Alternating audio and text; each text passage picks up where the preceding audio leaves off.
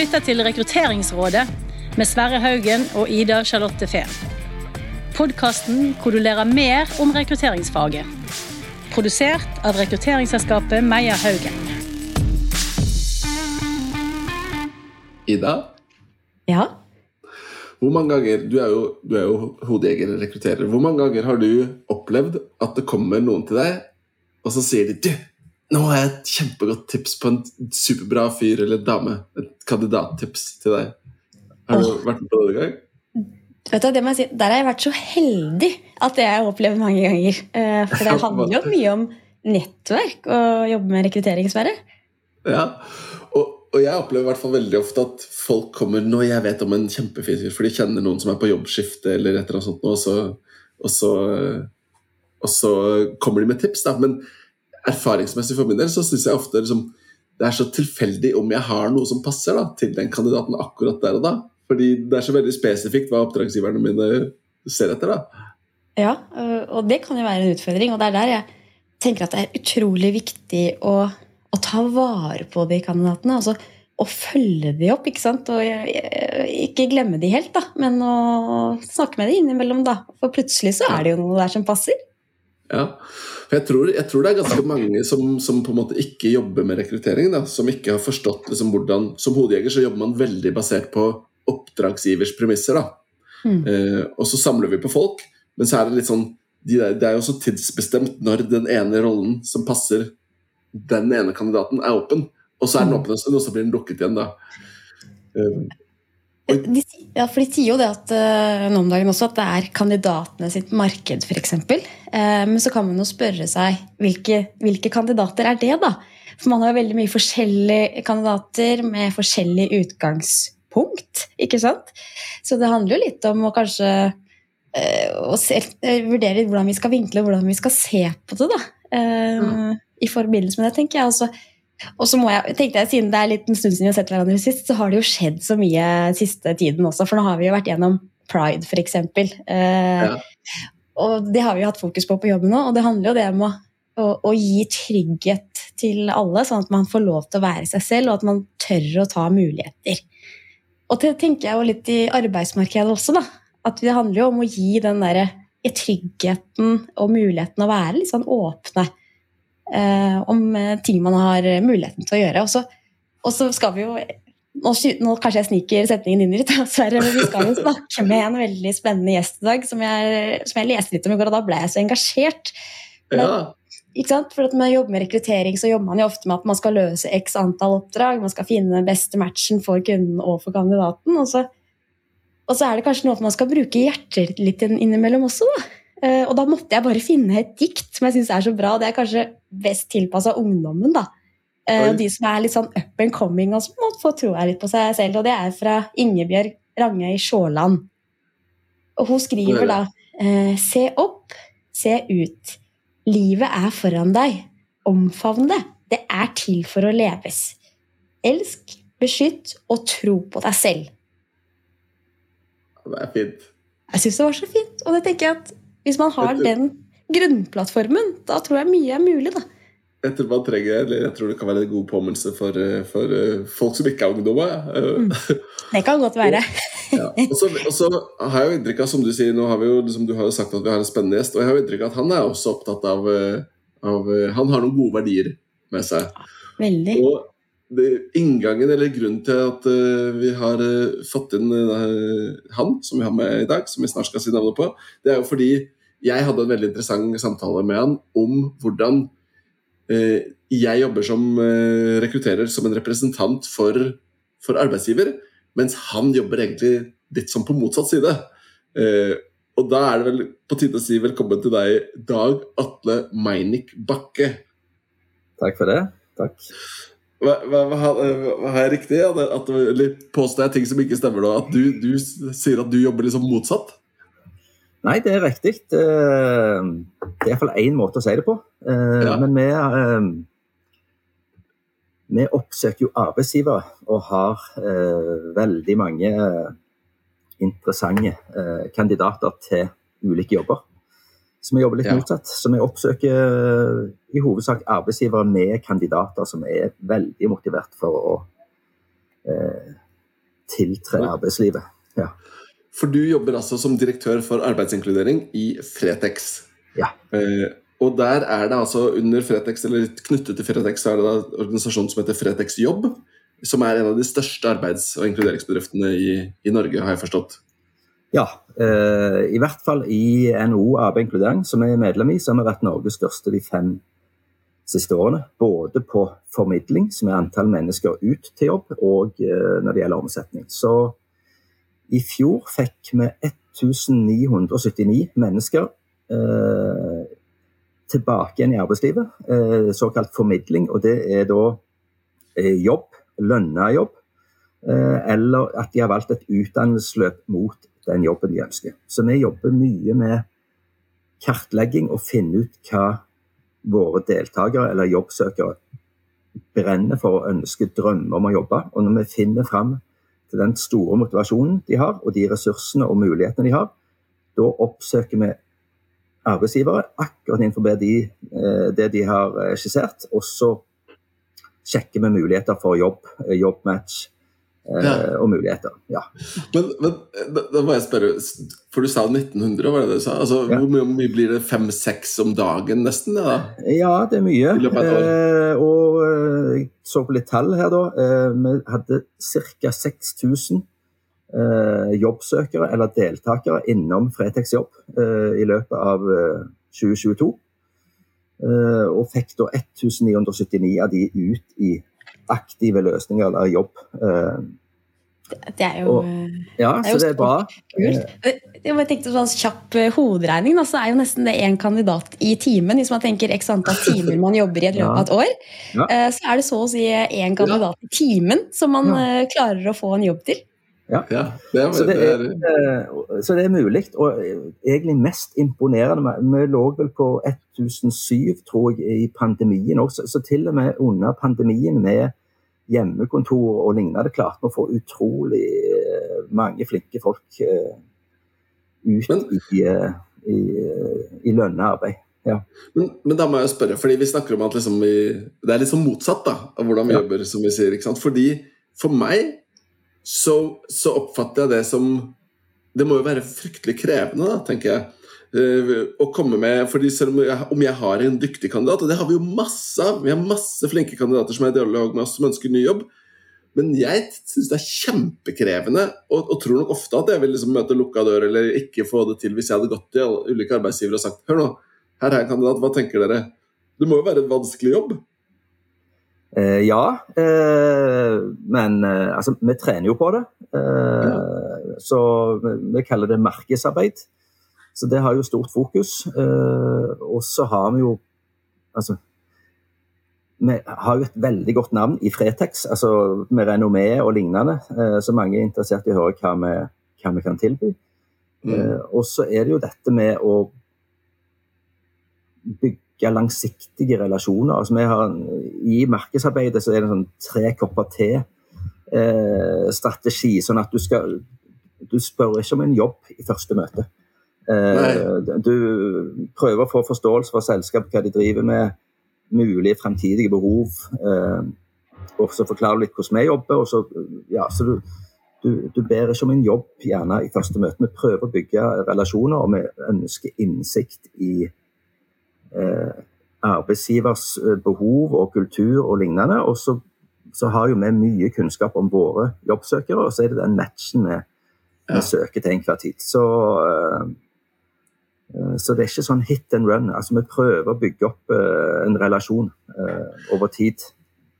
Og det, og det, tror jeg er lurt, og det, er noe med, og det tror jeg handler litt om sånn som syk, psyken vår funker da, i møtet oss imellom, for å bygge tillit. Hvis jeg møter, møter deg da, og oppfatter at du vil bare ha noe av meg, så, så, er det ofte ikke et godt grunnlag for tillit. da, Men hvis man møtes på, annet, på et liksom mer likeverdig vis, så, så, er det lettere å få den tilliten. Altså jeg, jeg pleier å råde folk til det når de, folk som er ute og skal se etter nye muligheter, så pleier jeg å tipse om å ikke liksom, som du sier, ikke spørre om en jobb med en gang. Men snakk om fag. Hvordan jobber dere med dette? Og snakk om faget. Og så vil den som du snakker med, se deg på en helt annen måte. da. Uh. Og så når du da På slutten av samtalen så kan du, si du får si fra hvis det er dukket opp noe spennende. For, hvis det dukker opp en mulighet. Fordi hvis du spør med en gang Hei, jeg har denne bakgrunnen, har du en jobb? Så er det liksom, da skal du ha noe, da. Og det er en Mm. dårlig inngang. Når, du, når du ikke har noen relasjon fra før. Men så det å snakke om, eh, om rekruttering bredt, og så etter hvert høre har, har dere vurdert eh, altså Kall det alternativ eh, rekruttering. Har dere prøvd å rekruttere via arbeid- og inkluderingsbransjen? Eh, ja, og, men å bygge den tilliten, og at de skjønner at her er det Hvis de går i dialog med oss, så har vi veldig god kunnskap om de kandidatene som blir lansert. Det er, da skal det være veldig close match eh, allerede før de går i dialog med dem. For at de er Ja. utrolig motivert for dette. Ja. Jeg blir jo eh, veldig nysgjerrig da, da Katle, på, litt sånn på hvordan dere jobber med kandidatene. Altså, å bygge disse relasjonene. Eh, for å på en måte få den gode kjennskapen om dere gjør noe som er litt annerledes eh, kontra andre typer byråer, sånn som vi Ja. sitter, da, i forhold til å ja, For det virker som dere jobber litt med hjertet på utsida av drakta. Eh, ja, altså vi, vi jobber jo eh, altså, Vi har jo en metodikk eh, som kalles IPS eller SE, altså Individual Placement Support eller Supported Employment. Eh, det første der er jo menneskesyn, å møte alle med eh, 100 gjensidig respekt. Altså, vi er like gode. Eh, og så er jo dette Våre jobbsøkere har jo da fått tilbud om, om vår tjeneste via Nav. Eh, så så de, det er jo definert et, eh, et, ønske, altså et behov om å få en litt support, eller mye support, inn, eh, tilbake inn i arbeidslivet. Og da bruker vi, vi bruker veldig mye tid på eh, karrierekartlegging. Eh, så vi bruker veldig mye tid på å finne ut eh, hva muligheter, hva ressurser de har. Vi fokuserer utrolig lite på hva de ikke kan. Det er ikke interessant, men vi, vi bruker utrolig mye tid på å finne alle mulighetsrom, og så eh, derfra igjen koke ned til inn, blande inn motivasjon og, og finne hva er det liksom hva er det drømmen din er. Og, og hvis det da er noe som trenger fagbrev, så, så må vi gjerne, eh, eller en utdannelse, så må vi vinkle det inn mot ok, da må du faktisk utdanne deg i to-tre år, for, og da gjør noen det. Mens andre er mer klare til å gå rett inn i jobb og finne en match eh, der. Så det er jo den miksen. Eh, Mm. så, og det er jo et så vi, bruker, vi, vi er opptatt av å heller bruke lang tid, eller lengre tid på å finne den jobben som passer, enn at de skal veldig fort eh, tilbake inn i arbeidslivet. For vi, vi er opptatt av dette med bærekraft et populært ord. Vi kaller det bærekraftig formidling, og det vil si at du skal stå lenge i jobb. Eh, Ja. i, altså når, når vi finner en jobb, så ønsker vi at det skal være så god match at du står lenge i den jobben. Vi ønsker ikke at det skal være sånn uh, svingdørjobb hvor du går rett fort inn og fort ut.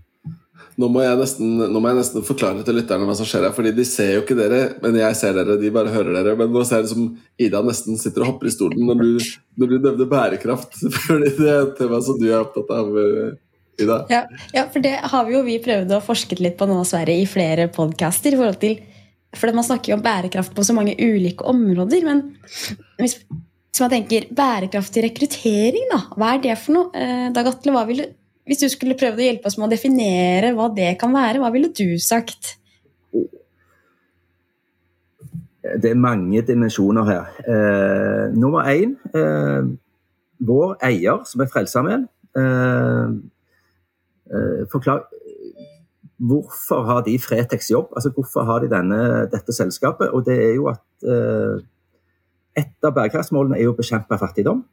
Og ved å få lønna arbeid, så løser da Fretex jobb en av de oppgavene som Frelsesarmeen eh, søker å få løst.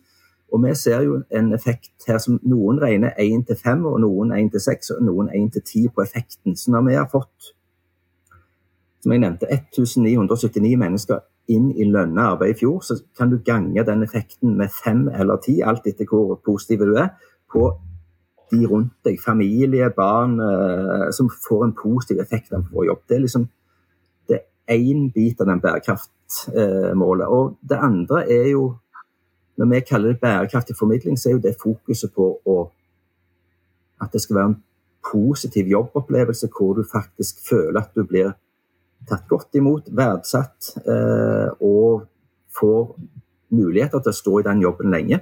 og der kommer det òg inn dette med vårt verdisyn på likeverd. og da, Derfor jobber vi vel. Jeg har nevnt lønna arbeid eh, mange ganger, det er bevisst.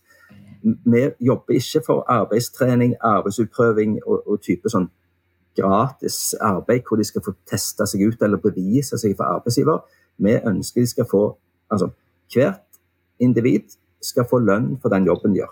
Eh, og så er det vår jobb å selge inn at, og overbevise sammen med jobbsøker at dette er en god person eh, med masse ressurser og masse muligheter, eh, som fortjener å bli likt behandla som alle andre i selskapet. Og Dermed skal de ha lønn fra dag én. Men bærekraftig formidling, sånn som jeg tenker på den jobben vi gjør med å få mennesker inn eller tilbake i arbeidslivet, er at de skal forbli der. De skal ikke tilbake igjen i, og, og, om ett eller to år til oss for en ny runde med hjelp.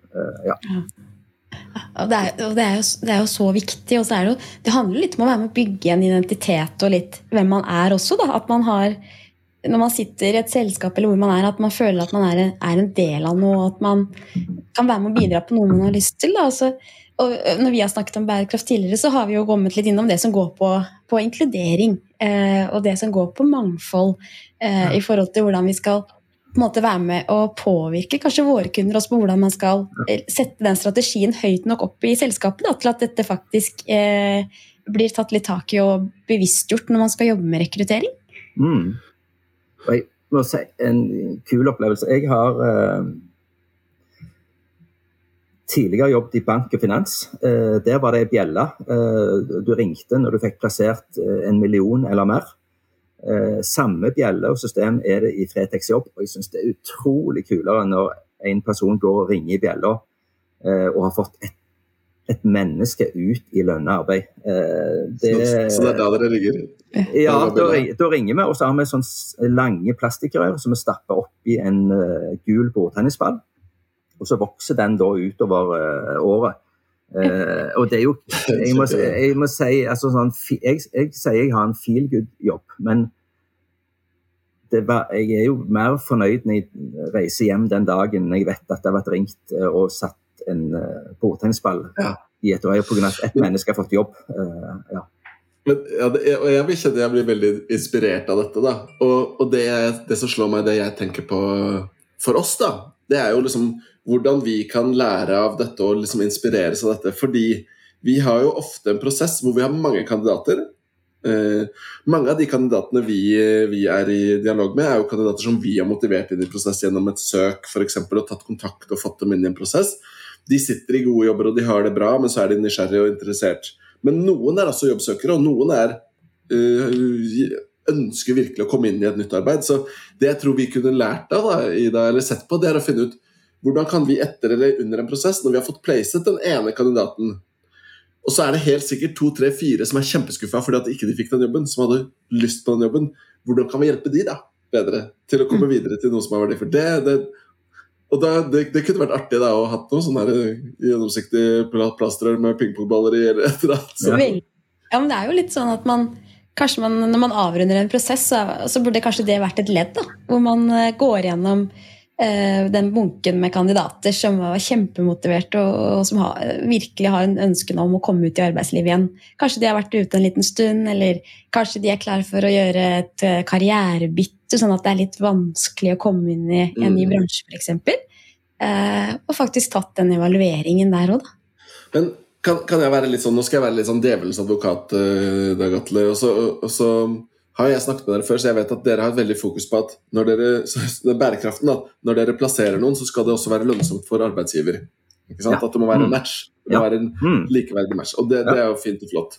Men hvis vi skal være litt ærlige, da Uh, Og nå kommer jeg til å komme med en påstand, og dette handler ikke om mitt syn, mitt verdisyn eller hva jeg ser, men jeg mener og tror at dessverre så er det sånn der ute at du har Når en arbeidsgiver vurderer kandidater, så har du en rangstige av attraktivitet da, på de mm. kandidatene. Hvor de aller, mest, de aller mest attraktive kandidatene, det er de som ikke søker selv, som likevel har kommet inn i prosess gjennom oss eller på, på andre vis. Og så er de liksom litt sånn hard to get og vanskelig. De er ofte vurdert som aller mest attraktive. Under der har du de som har søkt. Og det burde ikke være sånn, men de vil ofte vurderes som litt mindre attraktive.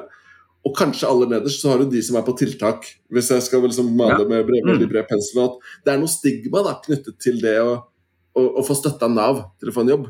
Ja. Fordi hvorfor, hvorfor kan du ikke få en jobb selv? ikke sant? Den der, der, Det burde ikke være sånn, men min påstand er at det er sånn. Er dere enige eller uenige?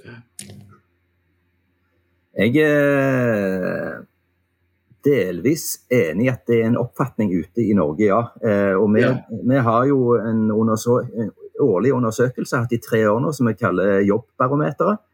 Og vi gjennomfører en ny undersøkelse nå som vi skal presentere litt av i Arendalsuken. Eh, som går dette på fordommer og, og hva de mener om eh, våre kandidater eh, som er via tiltak. Eh, så det er en blanding, men eh, det en ser med, med våre kandidater... det er er, vondt. Ja, det er jo vondt, men, men altså eh, Dere jobber nok på et Kanskje altså, Med rekruttering, eller de som bruker headhunter, det er gjerne et, altså et høyt nivå i, i, i hierarkiet på, på den arbeidsplassen. Det, det er eh, altså leder- eller eh, nøkkelroller. Ja. Eh, mens våre folk eh, tar jo gjennomsnittet av alle jobber i Norge. Eh, så, det er jo eh, det er jo utrolig mange eh, både spennende eh, og kjekke jobber eh, en kan utføre. Eh, og det, Mm, mm. vi går jo veldig på dette med individets eh, ønsker og mål eh, eh, sjøl. Og, og, det som egentlig er hoveddriveren er- og ønsket, er jo å ha en meningsfull arbeidshverdag hvor de blir verdsatt og føler at de bidrar. Eh, og at de lykkes med den jobben de gjør. Eh, og, det kan du finne på mange nivå. Eh, ja. Jeg tenkte litt på det Sverre, at hvis man ser på fallgruver innenfor rekruttering, da, en av de Ja. er jo det at man ofte sp- speiler og sjekker likhetstrekk. Rett rekrutterende leder jeg syns det er trygt og godt å på en måte falle på noen som man kanskje har samme bakgrunn, har gått samme skolegangen, har eh, studert på de samme stedene. ikke sant? Og så er det kanskje viktigere høyere opp, men jeg husker tilbake en tiden eh, når jeg jobbet eh, i Jobson, så var det jo også med vikarer og nyutdanna og ulike bakgrunner. og jeg opplevde kanskje da at eh, også at det var mange flere som fikk sjansen til å prøve seg av ulike bakgrunner og med ulike CV-er. Og mange fikk fast jobb, og det var jo utrolig gøy. ikke sant? Og, så, og det syns jo jeg har vært litt sånn nå i forhold til den, disse innleie Hvis vi toucher litt inn på det nye regelverket, da, i Mm. forhold til innleiebiten, så skjønner jeg at ja, vi ønsker jo at folk skal ha fast jobb. Eh, men jeg føler kanskje at man har fått muligheten til å inkludere flere eh, til faste jobber eh, ved at man har opprettet behov for eh, sånne type jobbkonsulenter da, som skal få lov til å vise hva de kan. Jeg vet ikke hva du tenker der i dag, Atle? Eh, Nei, altså innleie, hvis en tar den eh, Det har jo vært altså, jeg, jeg tror det har tatt tak i noe negativt, eh, gjerne lokalt Oslo-regionen med, med byggebransjen og sånn. At det har vært mye eh, uverdige arbeidsforhold, har iallfall kommet fram i media. Men det er mye positivt òg med innleie- og vikarbransjen. og Jeg har jo jobbet i den sjøl, og, og jeg ser at det er for mange et veldig verdifullt steg inn i arbeidslivet å få fast, og, og, og utrolig mange velger den veien for å få noe fast. At det er liksom en, en gyllen mulighet. Og spesielt uh, uh, når jeg jobbet i vikarbransjen, da var Equinor uh, en av hovedkundene, og det var utrolig mange som gikk via oss for å få en fot inn forbi Equinor, for å da Mm. gjøre en ut, prøve å gjøre en så god jobb som mulig til at de ble fast ansatt. Så det var liksom én måte til å få uh, den jobben på. Så, så det er som alt annet. uh, positive og negative det trekk med, med alt. Eh, Mm. Men du, du har jo jobbet, du har jobbet som, som rekrutterer og som innenfor bemanning, som du sier, Mm. tidligere, før du gjør, gjør den jobben du gjør nå. Hvis du tenker på Hvis vi skal komme med noen tips da, til, til oss som jobber med rekruttering, og de som lytter der ute som jobber med rekruttering, hva kan vi lære av, eh, av den tankesettet da, med å tenke mer som en agent? Hva kan man konkret gjøre for å hjelpe folk da, som, som, eh, som er ute etter ny jobb? Eh, ja, eh, ikke sette folk i bås. eh, og det kan være eh, egne tanker om eh, Altså, det snakkes om hull i CV. Eh, Mm. Eh, hvor mange år eh, bør du ha brukt på en master eh, før du syns det er negativt? Eh, sykefravær. Eh, er det ett ett eller to år ekskluderende, eh, og så vet du ikke om det er rygg eller psykisk, lettere psykiske lidelser, eller om du har hatt en svært syk familiemedlem som du har tatt deg av. Altså, det kan være de beste intensjoner med å ha vært hjemme, vært ut forbi arbeidslivet. Så det, eh, jeg, hvis du har tid, ta de inn, og, og, eller ta et Teams altså, Investere 20-30 minutter eh, og få litt mer kunnskap, så kan det faktisk være eh, akkurat det du leter etter. Men de hadde så, så, eh, Og jeg vet jo om at det finnes sånne søkemotorer på Eller de som mottar CV, så, så kan du velge at eh, at du kan gi automatisk avslag til alle med uten bachelor, uten master og uten utenlands... Altså, det finnes automatikk for alt dette. her. Eh, og da er jo da er det mange kandidater som kommer sent i gang, eh, og som, eller som ikke kommer med der, som er faktisk òg veldig flinke. Nevnte litt her den boken jeg hadde, altså The Achievers, eh, en bok som handler om eh, suksess eller muligheter til å oppnå suksess. Og da var det jo dette med eh, eksempel fra en del sånn eh, idretts... Eh, altså landslag, som har en stor overvekt av eh, Altså de som er på det landslaget, er som altså, Jeg tror det er tre fjerdedeler er født i eh, månedsskiftene januar til april. Altså det første kvartal. Altså, for de ble plukket opp unge som talenter. Eh, og så Litt Ja. av poenget i boken er at det, du hadde sannsynligvis fått et like godt landslag hvis du hadde tatt spillere som var født fra sommeren fram til jul. Altså, eh, så det handler om at du, eh, de beste blir plukket opp tidlig og får mer og mer trening og muligheter, og så finnes det andre som er Kall det late bloomers, da. Eh, og de, eh, det finnes eh, mye bra blant late bloomers òg, men de har gjerne trengt litt mer tid til å få eh, rydda ting unna i livet, eller eh, fullføre studier, eller finne den retningen de ønsker å gå. Eh, Jeg, jeg, kjenner, nå- jeg kjenner jeg blir litt sånn engasjert nå, fordi jeg tenker på Pygmalion-effekten. Har du hørt om, hørt om det, Dag Atle? Det er ganske interessant. Det, er en, det, er en, det var en sånn forsker, eller ikke forsker, en rekrutterer i militæret i Israel som hadde noen tester som han gjorde på de nye kullet med rekrutter. Og så, kunne han, så spotta han ut ok, den og den og den personen kommer til å være de som gjør det aller aller best på, eh, på, i år. Og de personene som ble plukka ut, de, de var alltid best. Han var liksom 100 treffsikker. da. De var best på skyting, de var best på intelligenstester og alt sammen, da, fysisk og det hele det andre. Og hemmeligheten hans var at han kopierte et eksperiment som var gjort i amerikansk skolevesen. Eh, Hvor det var en annen eh, en, eh, en lærer som gjorde det samme. Men det de gjorde, var at de plukka ut folk tilfeldig.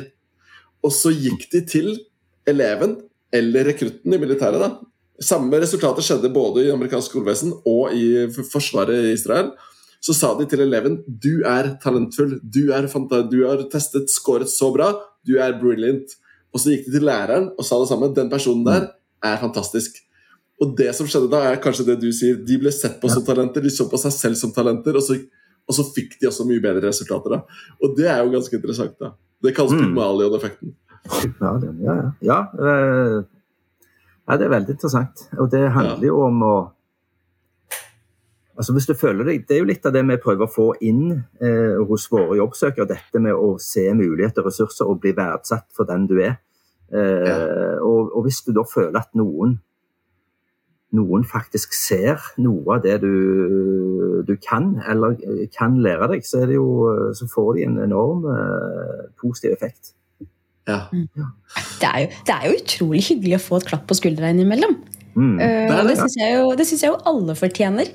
Ja. Uh, men hvis vi hadde løfta det her på et eh, litt høyere nivå, hvis vi tenker på samfunnsnivå, da, og kanskje eh, hva som ligger litt på oss som jobber med rekruttering, som jobber med eh, inkludering av arbeidskraft i næringslivet. Hvordan, hva tenker du da, Gatel, er viktig at vi har fokus på? Det vi, eh, hvordan kan vi på en måte sammen påvirke, tenker du, for å bli mer eh, åpne om dette temaet og fokusere på det?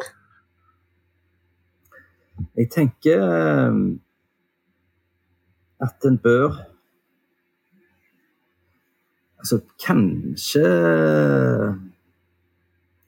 altså, normalisere det litt. Men, men, vi har jo hatt en utfordring i, i, eh, i, vår bransje at stat og kommune er de som tar eh, kanskje inn færrest kandidater fra, fra, vår bransje. Og så har de fått en sånn pålegg nå om at 5 skal gå eh, eh, via vår bransje. Men jeg tenker altså å slette altså hos noen har dette med rekruttering blitt veldig formalisert. Eh, med, med, at du legger en, en del eh, absolutte minimumskrav. Eh, og flere av våre kandidater de har ikke disse minimumskravene i dag, men de kan, mm. få, de kan få de på sikt. Så jeg tenker dette med å eh, se verdien av å trene opp folk internt, eh, tror jeg er viktig. Altså, så hvis den kandidaten mangler den bachelorgraden eller det fagbrevet eller eh, det vi er så kan de kanskje få det av arbeidsgiver eh, på sikt. Eh, altså jobbe seg opp. Og det vil være en utrolig verdifull investering. Du vil få en utrolig lojal medarbeider. Altså, du vil få en del sterke bånd der som er viktige. Eh, mm. Jeg nevnte Arendalsuka. Vi skal ha med oss en forsker der som også eh, holder på med en doktorgrad. Eh, som har en del utrolig spennende funn som viser at det med å ta og rekruttere bredere inn fra arbeid og inkludering, altså de som gjør det, så vil de ansatte føle en større stolthet av sin arbeidsgiver, arbeidsstedet sitt. Det vil gi en ekstra mening, en ekstra dimensjon. For leder føles det òg positivt, for de må gjøre ekstra, de får en ekstra utdanning på dette med å gi veiledning, trening. altså, altså Det er så mye vinn-vinn, og, og, det kan mm. føles uh, ja, Jeg nevnte feelgood-jobb, men det føles Av og til kan det føles veldig bra og riktig å gå denne veien. Uh, og tenke nei, vi, nå tar vi sjansen. Nå har vi nå har vi ni med handelshøyskole eller universitetsutdannelsen. Nå nå prøver vi en som nesten har det. Uh, ja. Og så, ja. Ja, det, er, et bra, det er et veldig bra, bra, tips. Jeg tror uh, dette er nok en uh, type samtale som man kunne snakket veldig lenge om. Og i hvert fall når det kommer til dette med liksom å sette folk i bås, som du snakker om, eller, eller biases da, av ulike mm. former. Merkelapper på, på, hvor du kommer fra osv. Mange ting man kan ta tak i der. Det er nok en tematikk som vi burde løfte igjen senere også i det. Mm. Ja. Vi, jeg, tror må, jeg, tror vi må, begynne å gå inn for en landing her etter hvert. Ja. Vi må kanskje gjøre det, selv om det var, dette her var veldig spennende å snakke om. da. Ja, Vi må slutte å booke møter ja. etterpå. Der, så ja. vi må ha bedre tid. Det var en halvtime til, litt sånn ekstra. Nei.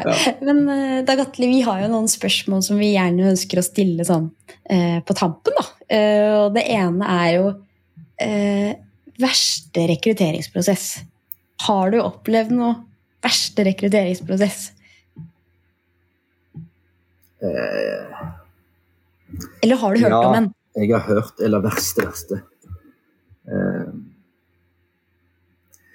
ja, den verste jeg har vel vært med på sjøl, er at eh, vi hadde en veldig god kandidat eh, som vi da hadde helt i finalen, og så gjennomførte vi eh, Skulle vi ha en sånn evnetest og personlighetstest, som mange velger å bruke. Så det er jo ulike ja. teorier på om det gir effekt eller ei. Men vi eh, hadde da eh, ønske om at de tre finalekandidatene skulle gjennomføre dette. Og vedkommende nekta eh, og sa at nei, det, dere ser CV-en min, hva jeg har gjort og sånn. Hvis ikke det er godt nok, så ja. Og den CV-en var jo veldig bra, da.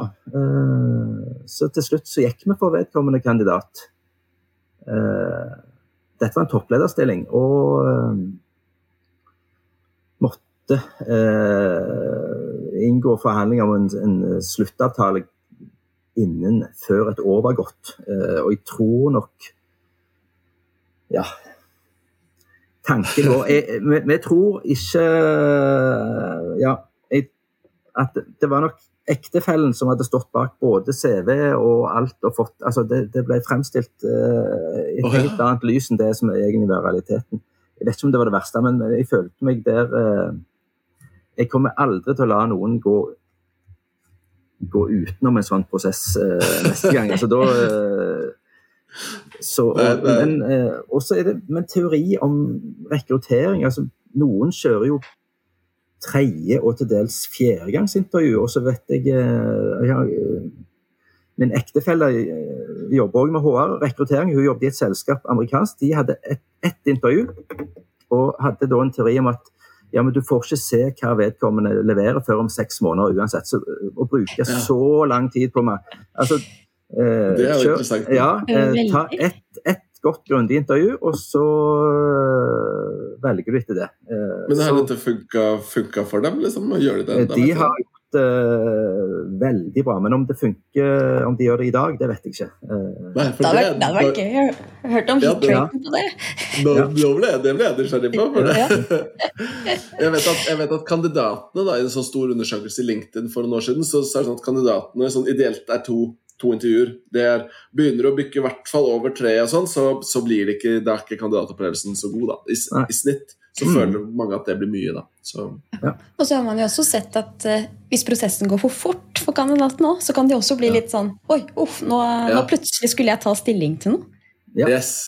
Og det kan man jo, for, kan man jo forberede kandidaten på fra starten av prosess, da, hvis man vet om det. Men, men der kommer jo, der har i hvert fall jeg opplevd mange ganger at når vi tar personlighetstest, da, så, som du sa, så kan man jo drøfte det i lange og vide og hvordan man bruker det osv. Men de gangene jeg ser at kandidaten er en sånn type basert på testen som trenger lang tid, så er det i hvert fall ekstra viktig at de får tid. At ikke du prøver å pushe prosessen. Og det har jeg sett mange ganger. at det. Du må liksom tilpasse basert på type kandidat. Mm. Ja. Ja. Jeg synes det er interessant det du sa, da, Gatle, med at man kanskje har fått hjelp til å tune på CV-en, og alt ser veldig flott ut. da. Og det er jo ja. kanskje en enda større problemstilling i dag, hvis man tenker på den chat-GPT og alt som kommer av, oh, yes. av hjelpende hender i forhold til å avdekke de tingene der.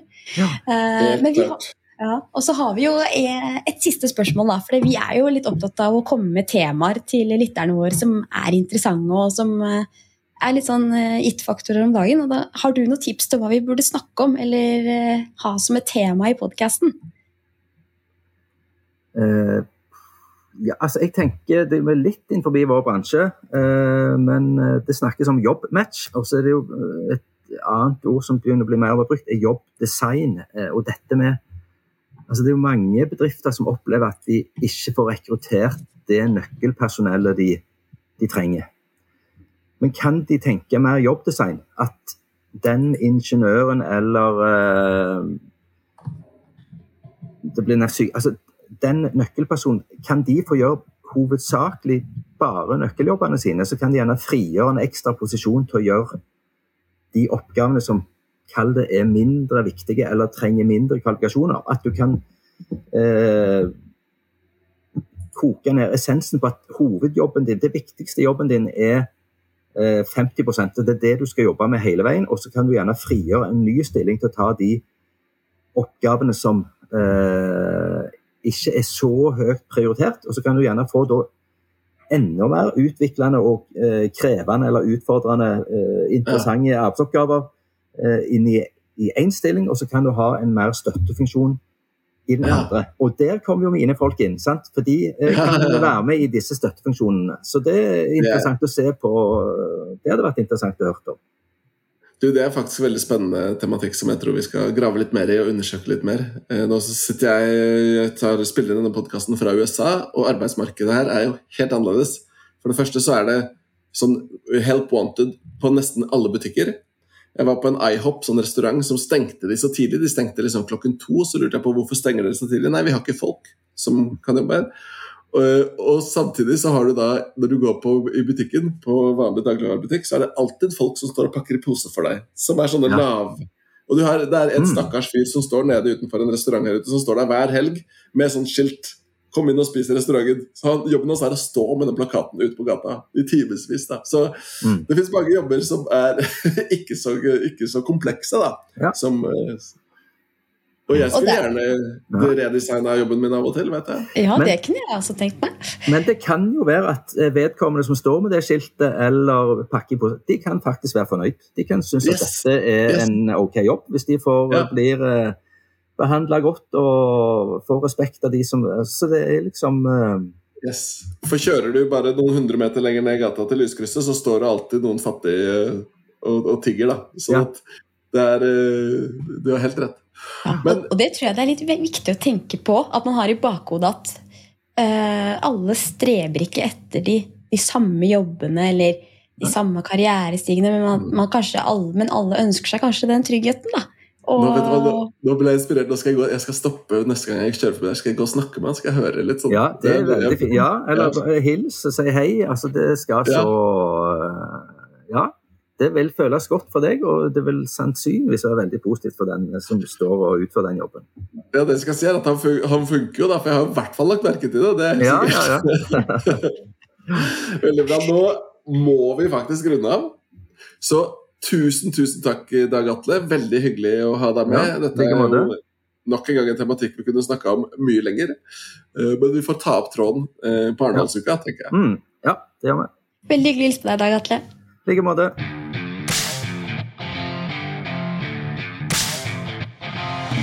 Du har lyttet til Rekrutteringsrådet av Meyer Haugen. Vi produserer også Topplederpodkasten og Stillingspodkaster. Har du forslag til gjester eller tema vi bør snakke om, gå inn på vår Facebook-side Meyer Haugen.